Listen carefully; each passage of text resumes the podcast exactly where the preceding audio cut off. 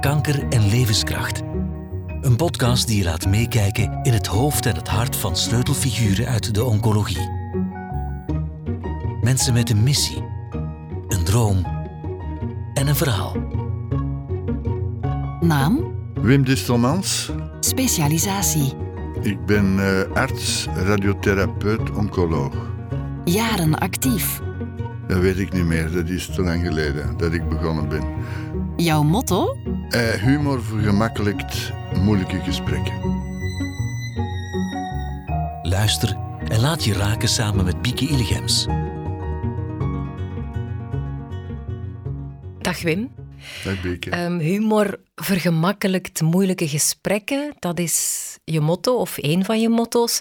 Daaruit kan ik alleen maar afleiden dat humor echt wel heel belangrijk is voor jou. Ja, humor is eh, fundamenteel, denk ik, in mijn leven. Ik heb dat meegekregen met de paplepel van mijn vader, die dat gelukkig ook had. En ik, eh, ik moet zeggen, dat maakt het leven toch wel veel gemakkelijker. Ja, ehm, natuurlijk. In jouw vak is dat misschien niet zo evident om humor te gebruiken. Niet iedereen kan daarmee omgaan.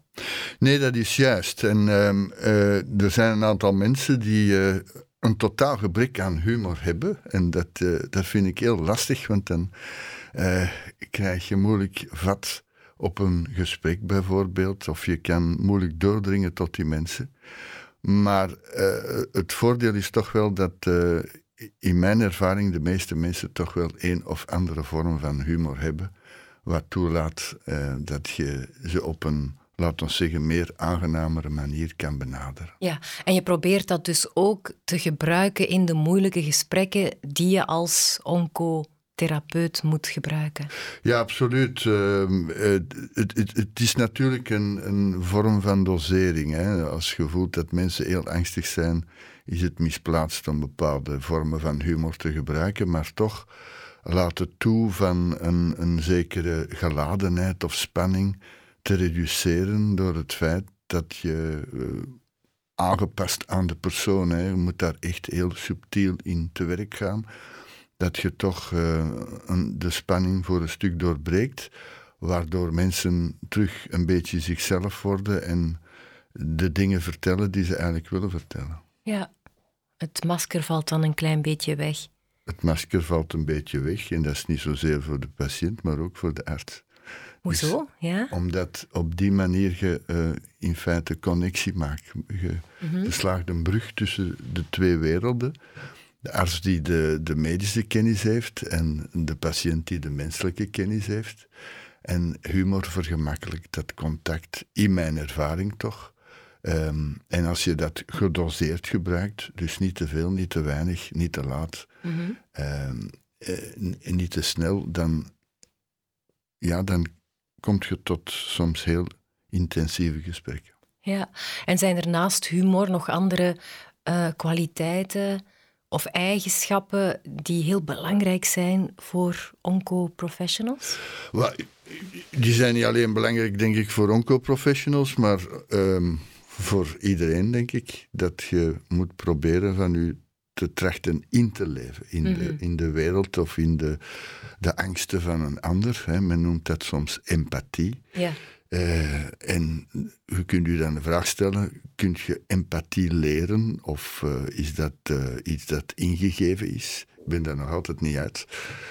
Ik denk dat je een aantal reflexen kunt leren, maar het is fundamenteel, denk ik, als je geen empathie hebt, dan denk ik dat je ook beter niet in de zorgverlening moet terechtkomen. En Nee. dat je misschien beter iets anders doet. Maar hoe ver ga je daarin, hè, in empathie? Empathie eh, betekent dat je probeert je in te leven in de wereld van, eh, van de ander en dat je daar probeert op in te spelen en dus in mijn geval ook met humor. Maar eh, dat betekent ook dat je toch niet te veel over de grenzen mocht gaan. Hè. Er is een verschil tussen grensoverschrijdend gedrag en grensverleggend gedrag. Eh, ik bedoel daarmee, eh, je moet goed weten waar je grens is en af en toe kan je erover gaan. Dan ga je grensoverschrijdend te werk, maar dan weet je echt, ik ben nu over de grens bezig. Maar grensverleggend betekent dat je dus je grenzen altijd maar aanpast en eh, daar wordt niemand beter van. Nee. Nee. Want dan neem je het mee naar huis en uh, dan uh, ook, dan, uh, dan, dan ben je niet meer professioneel bezig, denk ik. Nee. Um, je moet heel vaak omgaan met angst, neem ik aan, van mensen die een diagnose krijgen die echt letterlijk de dood in de ogen kijken soms. Hoe ga je daarmee om? Want angst helemaal wegnemen, dat lukt, neem ik aan, niet. Nee, het lijkt me logisch dat je probeert van dat te erkennen. Uh, als je al erkent dat mensen angstig zijn, als je zegt: Ik, ik zie nu dat je angstig bent uh, is dat al een belangrijke stap. Je moet dat niet laten ondersneeuwen onder allerlei banale opmerkingen, zoals uh, je nu aan, het is vandaag mooi weer en, en probeer te genieten van de zon. De mensen hebben niks aan dat soort van onzin. Mensen niet willen... minimaliseren. Nee, absoluut niet. Je moet uh, erkennen dat die angst bestaat en dan proberen van daar samen iets aan te doen. En een van de mogelijkheden om daar iets aan te doen, men, wij noemen dat copingstrategie, dus de manier van omgaan met ernstige problemen, zoals angst toch wel is. Mm een van die mogelijkheden is humor. Ja, ja. Afhankelijk van wie ermee om kan. Afhankelijk van wie ermee om kan en ook eh, gedoseerd. Hè. Je moet uh, geen flauwe grappen beginnen vertellen of zoiets bij iemand die echt uh, doodsangst meemaakt. Dan moet je dat proberen op een andere manier op te lossen.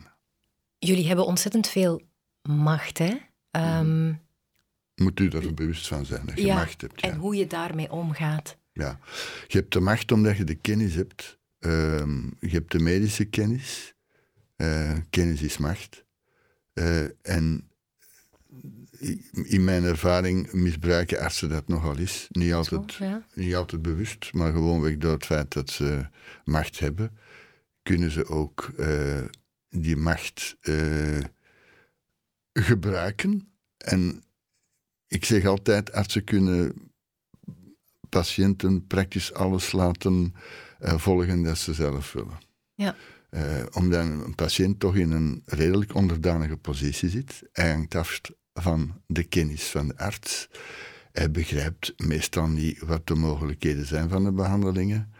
En als de artsen dan ter goeder trouw zeggen: Kijk, in, in uw geval zou ik die behandeling volgen, die misschien voor die patiënt absoluut niet aangepast is, dan zit je met een probleem. En Mhm. dat, dat betekent, dat kan je voor een stuk volgens mij oplossen door empathisch om te gaan met de mensen.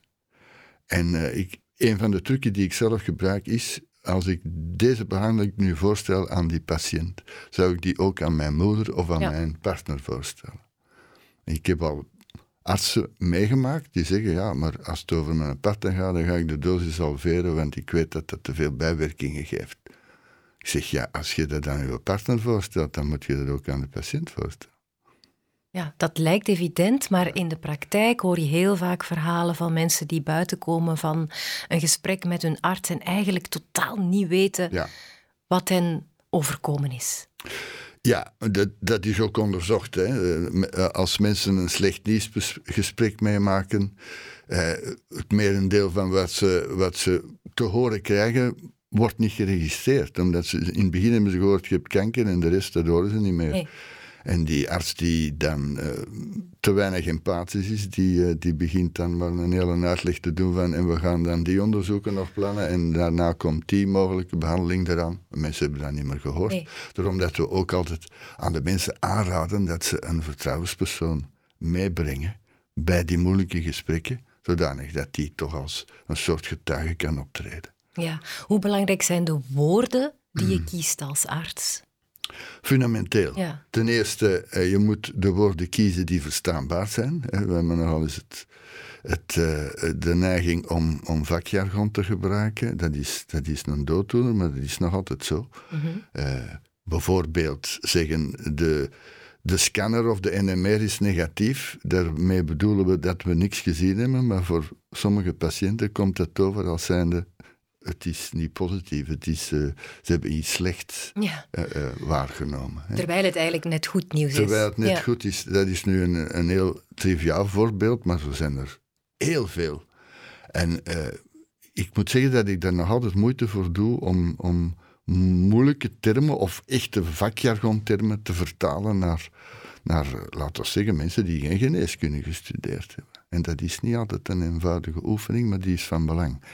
Ten tweede, eh, als je een bepaald woord of een bepaalde diagnose of een bepaalde mededeling doet, moet je ervan bewust zijn, eens dat je die hebt uitgesproken, kan je niet meer terug. Nee. Je hebt dat gezegd en dat blijft hangen. Dan kan je nadien zeggen, ja maar nee, ik heb dat zo niet bedoeld. Nee, het is gezegd geweest. Ja, Dus dat je- heeft psychologische gevolgen. dat heeft psychologische gevolgen, dus je moet heel goed je wo- woorden wikken en wegen, aangepast aan wat we dan noemen de draagkracht van de patiënt. Dat is allemaal mooie theorie, maar in, in principe is dat van belang in de praktijk dat je moet nakijken hoe, wat kan die patiënt nu aan op dit moment. Ja, en hoe, hoe doe je dat? Hoe zie dat je vraagt dat? Hoe natuurlijk een je beetje dat? ervaring. Hè? Ja. Dat, eh, de, de eerste gesprekken zijn meestal catastrofaal eh, als afgestudeerde, maar eh, in de loop van de jaren er, begin je toch wel wat ervaring te kweken daarin. En eh, als je er niet zeker van bent wat de draagkracht is van die persoon, dan doe je er beter aan van niet te veel te zeggen. Dat betekent niet dat je moet liegen, maar de waarheid kan ook gedoseerd worden meegegeven. hè. Ik geef een voorbeeld. Je hebt op, eh, op eh, een of andere medische beeldvorming, dus een CT-scan of zo, gezien dat de patiënt longkanker heeft. Je hebt- het is praktisch zeker.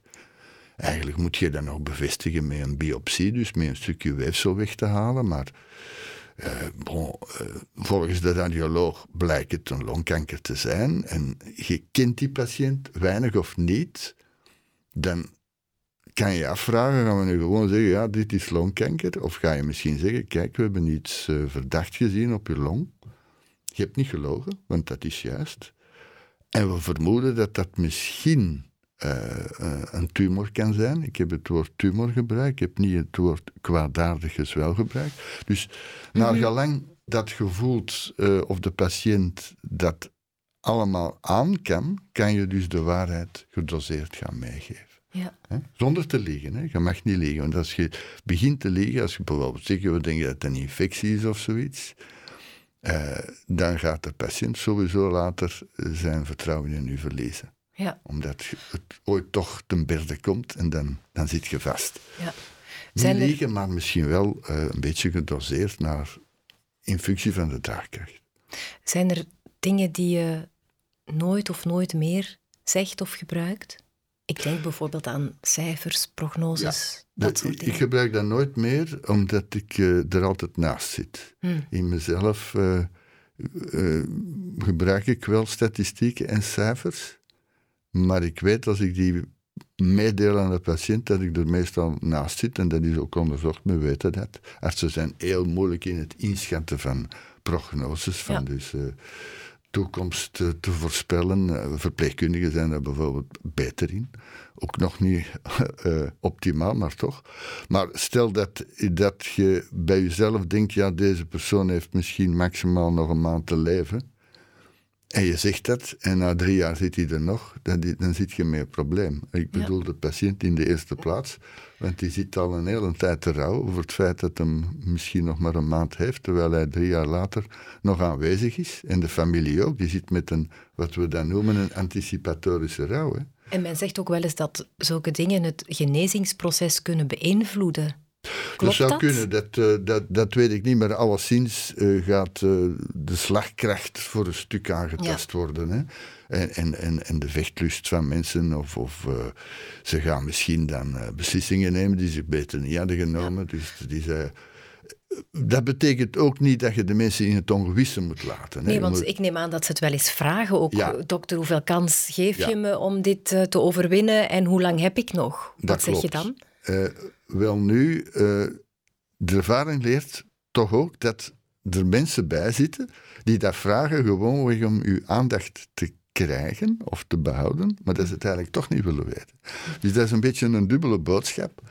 En als je dat niet goed weet, is het nu iemand die het niet wil weten, maar het toch vraagt om uw aandacht te houden, of is het iemand die het echt wil weten? In beide gevallen zit er meer een probleem. Ja. Ik, ik zeg dan meestal eh, iets in de zin van: eh, het is heel moeilijk om dat te voorspellen.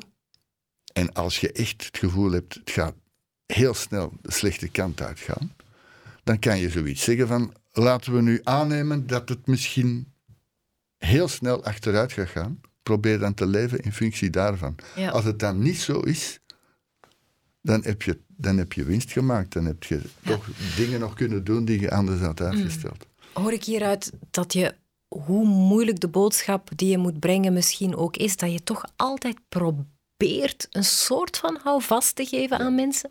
Ik denk dat, eh, dat het evident is dat je mensen nooit alle hoop voor de voeten mag wegmaaien. Hè. Je moet, wie, wie, wie zijn wij om dat te doen? Bovendien, hè, ik zeg het al, onze inschattingen zijn heel vaak mis. Dus ik vind dat je altijd zonder te liegen en zonder eh, foutief optimistisch te doen, dat je toch moet proberen van, van de mensen toch nog eh, hoop te laten Ja, houden hè, voor de toekomst. ja. Hoe kort die ook is, misschien. Ik vind het ongelooflijk dat je zegt humor, empathisch, eh, mensen hoop geven, terwijl wij als buitenstander vaak het beeld hebben dat artsen heel weinig tijd hebben voor hun patiënten en dat we maar een nummer zijn. Dat is iets wat jij hier absoluut wil tegenspreken. hè? Ja, ik probeer dat tegen te spreken, maar eh, eh, je hebt natuurlijk gelijk, dat is de realiteit. Hè. En Vooral artsen die technisch bezig zijn, ik bedoel chirurgen dan en eh, mensen die onderzoeken doen en zo, die hebben inderdaad niet veel tijd. En wij proberen ook al jaren aan de overheid eh, aan te kaarten dat ze misschien eh, eh, de tijd, de, de gesprekstijd, Ja. dat ze die beter zouden honoreren. Want we moeten, we moeten niet flauw doen, we moeten een kat een kat noemen. Als die tijd niet gehonoreerd wordt, als er geen vergoeding tegenover staat, dan gaat dat toch de mist in. Dan gaan Ja. artsen toch zeggen, ja, ik kan beter zoveel keren een bepaald onderzoek doen, want dat wordt goed betaald. En spreken met de mensen, daar, eh, ja, dat is... En dan gebeurt dat letterlijk en figuurlijk soms op de gang hè, Ja, van het ziekenhuis. hè. ja. Hoe bereikbaar ben jij voor je patiënten? Ik probeer heel bereikbaar te zijn. En ik, ehm, nu komen we terug op grensverleggend en grensoverschrijdend.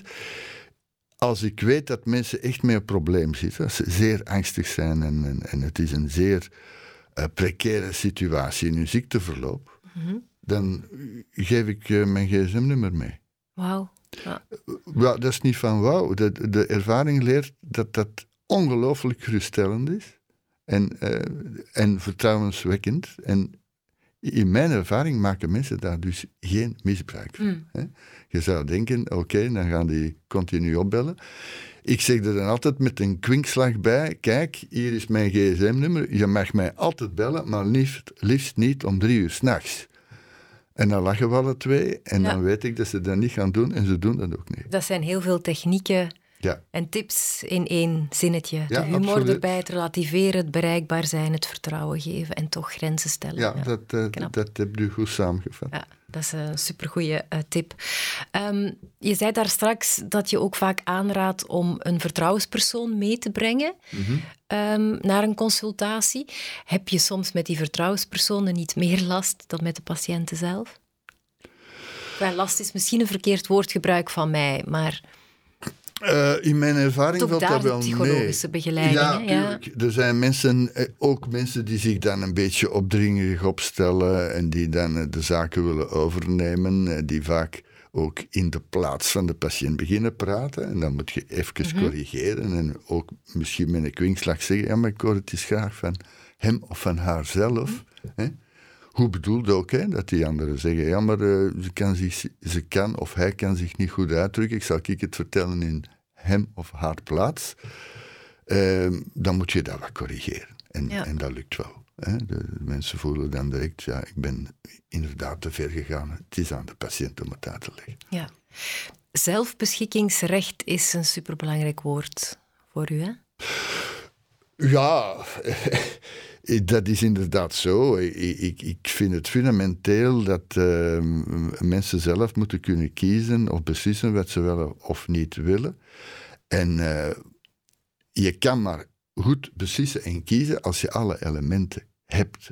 Is als je alles uitgelegd hebt gekregen, alle voor- en nadelen van alle behandelingen en onderzoeken hebt uitgelegd gekregen, dan kan je ook met kennis van zaken beslissen en kiezen. Mhm. Eh, Ze zeggen altijd maar, de patiënt moet zelf maar beslissen. Maar ja, leg dan eerst uit waartussen hij moet beslissen of kiezen. Dus informatieoverdracht is gigantisch belangrijk. En in verstaanbare taal. Ja.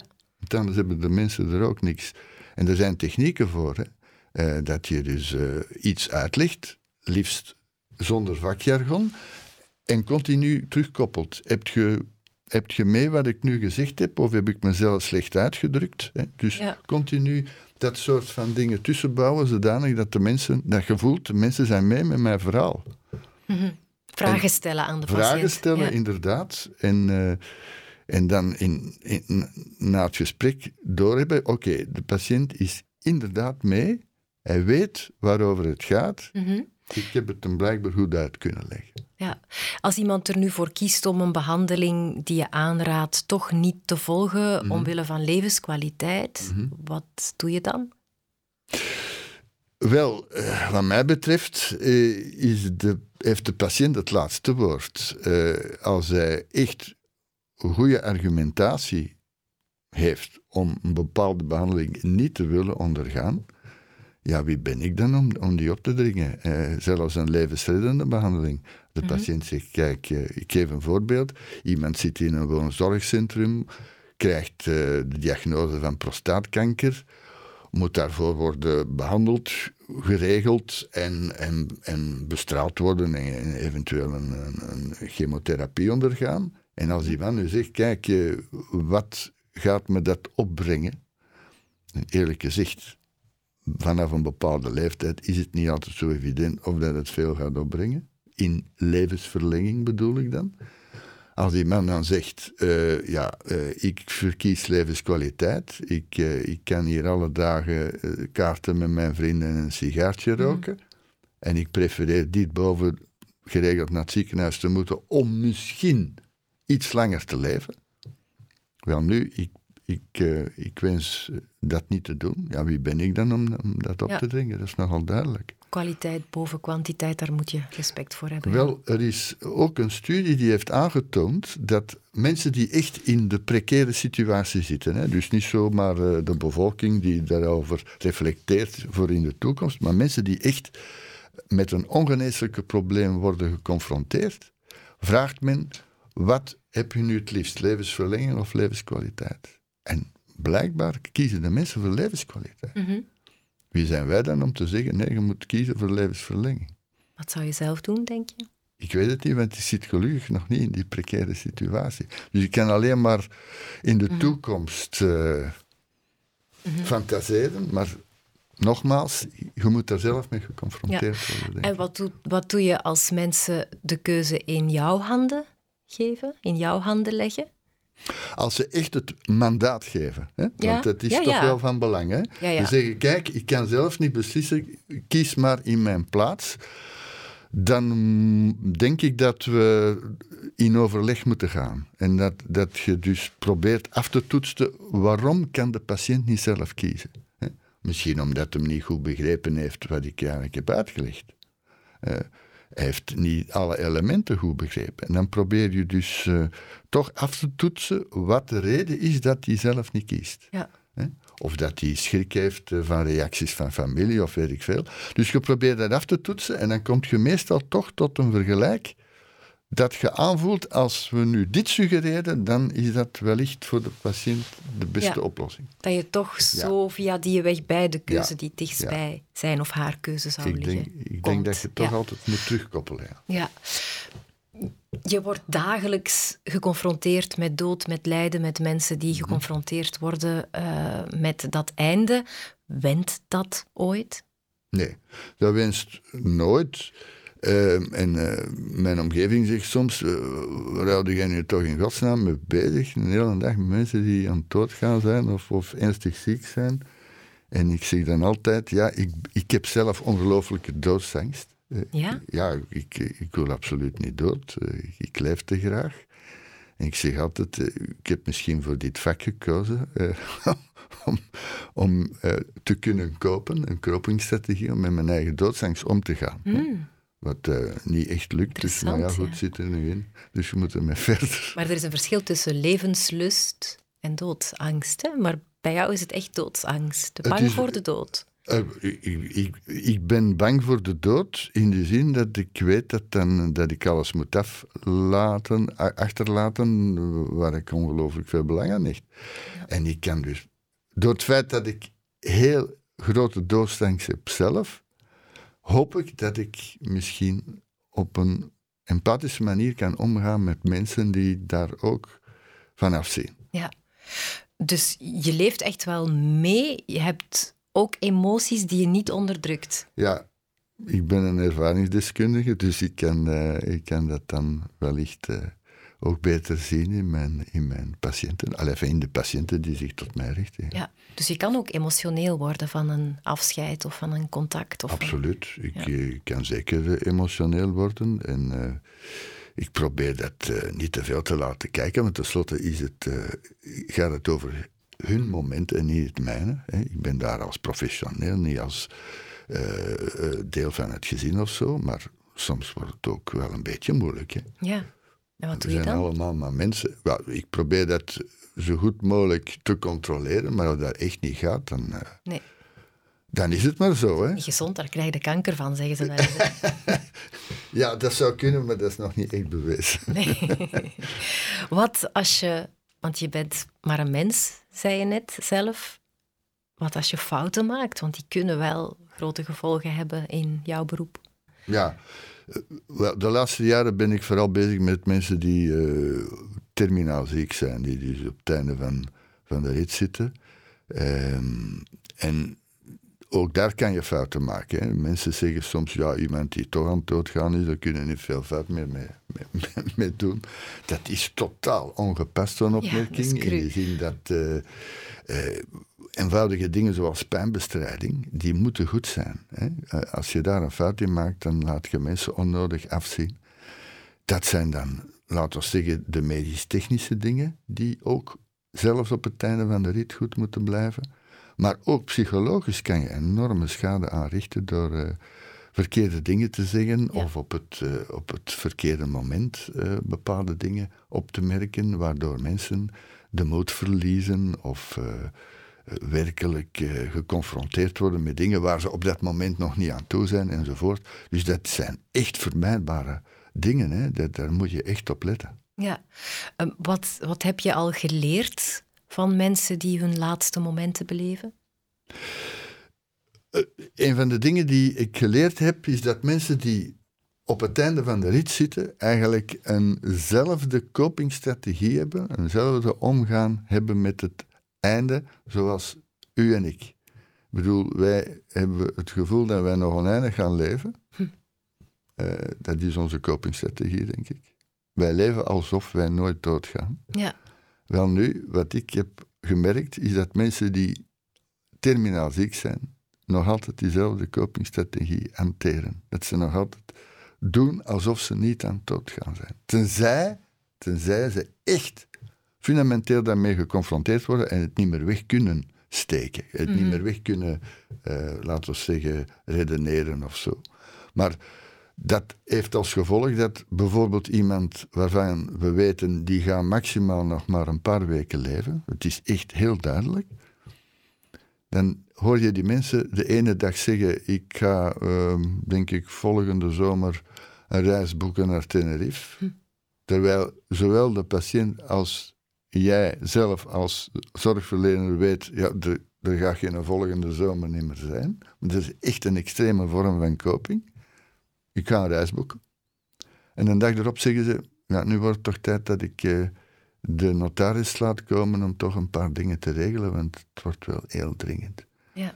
En als je er weinig ervaring mee hebt met dat soort van eh, mensen die in de terminale fase zitten, dan, dan sla je compleet tilt. Want dan zeg je, Ja. gisteren heeft hem gezegd een reis gaat boeken en, en, en nu gaat hem notaris vragen. Is die zot geworden of zo? Nee, dat is gewoon weg. Gisteren was zijn copingstrategie nog behoorlijk sterk aanwezig en vandaag is ze misschien geconfronteerd met nog Ja. een supplementaire pijn en heeft hem begrepen dat het toch niet meer zal lukken. En wat is dan jouw advies voor iedereen die met zo iemand te maken krijgt, van verplegend personeel dat je dat artsen? moet accepteren, Ja. dat je er niet moet tegenin gaan. Hè.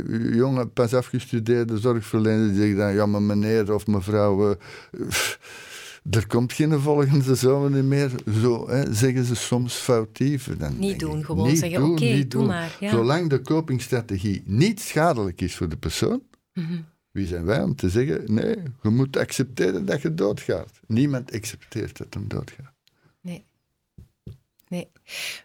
Heb je door, door dat con- geconfronteerd worden met de dood een soort van ja, geloof in iets ontwikkeld? Een soort spiritualiteit die aanwezig is? Of is dat een moeilijke vraag? Eh, nee, dat is geen moeilijke vraag. Ik, ik, ik heb dat niet. Ik heb geen, eh, laten we zeggen, eh, gevoel van we, maken hier deel uit van een groter geheel. Ik, ik heb dat niet en ik ben soms jaloers op mensen die dat wel hebben. Eh, het enige wat ik ontwikkeld heb, dat is dat ik de zekerheid heb van het onzekere. Ik weet, ik ben zeker dat het onzekere bestaat. En als je dat accepteert, kan je een aantal dingen doen die je misschien anders twijfelt, eh, waar je anders voor twijfelt. En dat je, wat ik ook ontwikkeld heb, is dat je eh, door altijd schik te hebben voor de regen, niet kunt genieten van de zon. Ja. Je moet er gewoon voor gaan en zeggen: kijk, ik heb misschien die handicap of die beperking. Laten we er nu niet blijven over doorzeuren, maar laten we genieten van wat nog wel kan. Ja, in elk obstakel, in elke crisis zit een kans, dat? Of is dat te eenvoudig gezegd? Nee, dat is, dat is ook een, een goede beschrijving van wat ik probeer te zeggen. En dat is. ehm, eh, eh, ik, ik merk dat mensen die dat aankunnen, want je moet het natuurlijk aankunnen, hè, dat is een vorm van coping, hè, dat die eh, veel vlotter eh, evolueren in het leven dan mensen die altijd maar zitten te zeuren over. Oh, het zou kunnen dat morgen regent, zullen we nog een supplementaire paraplu bijkopen enzovoort. Hè, Ja. Om het nu maar eens eenvoudig uit te drukken. Ja. Hoe lang eh, wil je dit nog voortzetten? Dat is een goede vraag. Eh, ik weet het niet, maar ik zie mij op dit moment nog niet bingo spelen of uh, oplossen. Met alle respect voor mensen die daar veel plezier uithalen. Maar ik, zolang dat ik nog plezier is, misschien geen gepaste term, maar zolang dat ik nog voldoening heb uit het werk dat ik nu doe, wil ik dat wel verder doen. Omdat ik voel dat er toch, dat ik bij sommige mensen, bij niet allemaal, maar bij sommigen toch wel het verschil kan maken. Mm -hmm. En dat, is, dat geeft en ook voldoening terug. drijfveer. Absoluut. Ja. En de verontwaardiging. De verontwaardiging? verontwaardiging is een enorme drijfveer die ik al heel lang heb. En de, het, het, onrecht dat mensen wordt aangedaan, het, het, het weinig ge, ge, respect voor de zelfbeschikking enzovoort. Verontwaardiging dan van het systeem en van sommige systeem. collega's en uh, systeem, dat anders de, maken. De wetgeving de, enzovoort enzoverder. En dat, Dat- daar proberen we toch nog iets aan te Daar is nog een weg te gaan.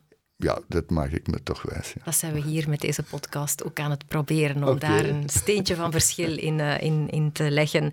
Ehm, ik probeer toch graag te eindigen met een, een soort vrolijkere noot. Eh, hoe, hoe ontspan jij naast eh, humor en hoe, hoe kan jij het loslaten? Het leed dat je elke dag ziet? Eh, ik, ik hou enorm veel van films. En gelukkig kan je tegenwoordig met al die streamingsplateaus en, of platforms kan je enorm veel films binnenhalen. Dus dat is gigantisch.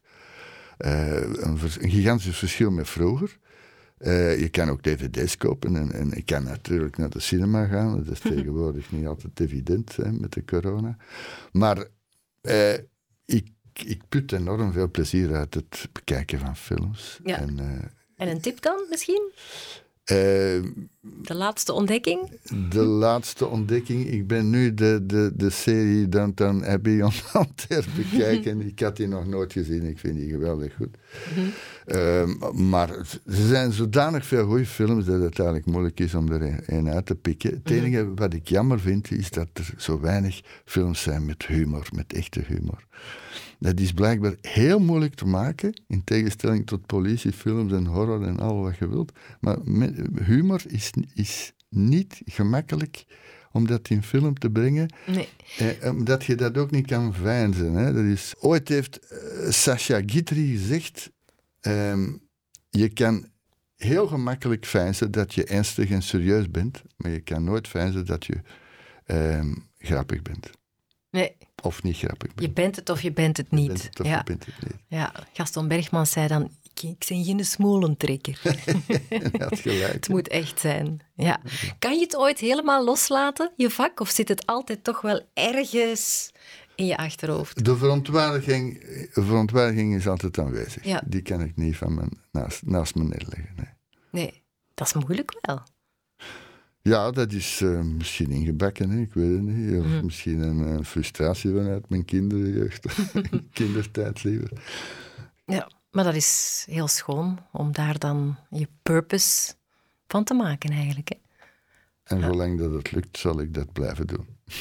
Fantastisch. Wim, ik heb nog een laatste vraag voor jou. Ehm, aan wie geef jij de fakkel door? Wie mag mijn gast zijn in de volgende podcast? Wel, ik geef eh, de fakkel heel graag door aan Joris Verlooy. Joris Verlooy is een eh, kinderoncoloog. Die is een arts die zich bezighoudt met kinderkanker. Wat geen, evident, geen evidente materie is. En ik vind het een geweldige man omdat hij niet alleen ehm, dat doet, maar ook enorm aandacht heeft voor de zelfbeschikking, zelfs van minderjarigen. Eh, in zover dat hij zelfs vindt dat die ook soms euthanasie moeten kunnen vragen en krijgen. Boeiend. Kijk er heel Zeker, erg naar uit. zeker boeiend, ja. Mag ik je danken voor eh, dit gesprek? Dank je wel. Dankjewel, Lieke.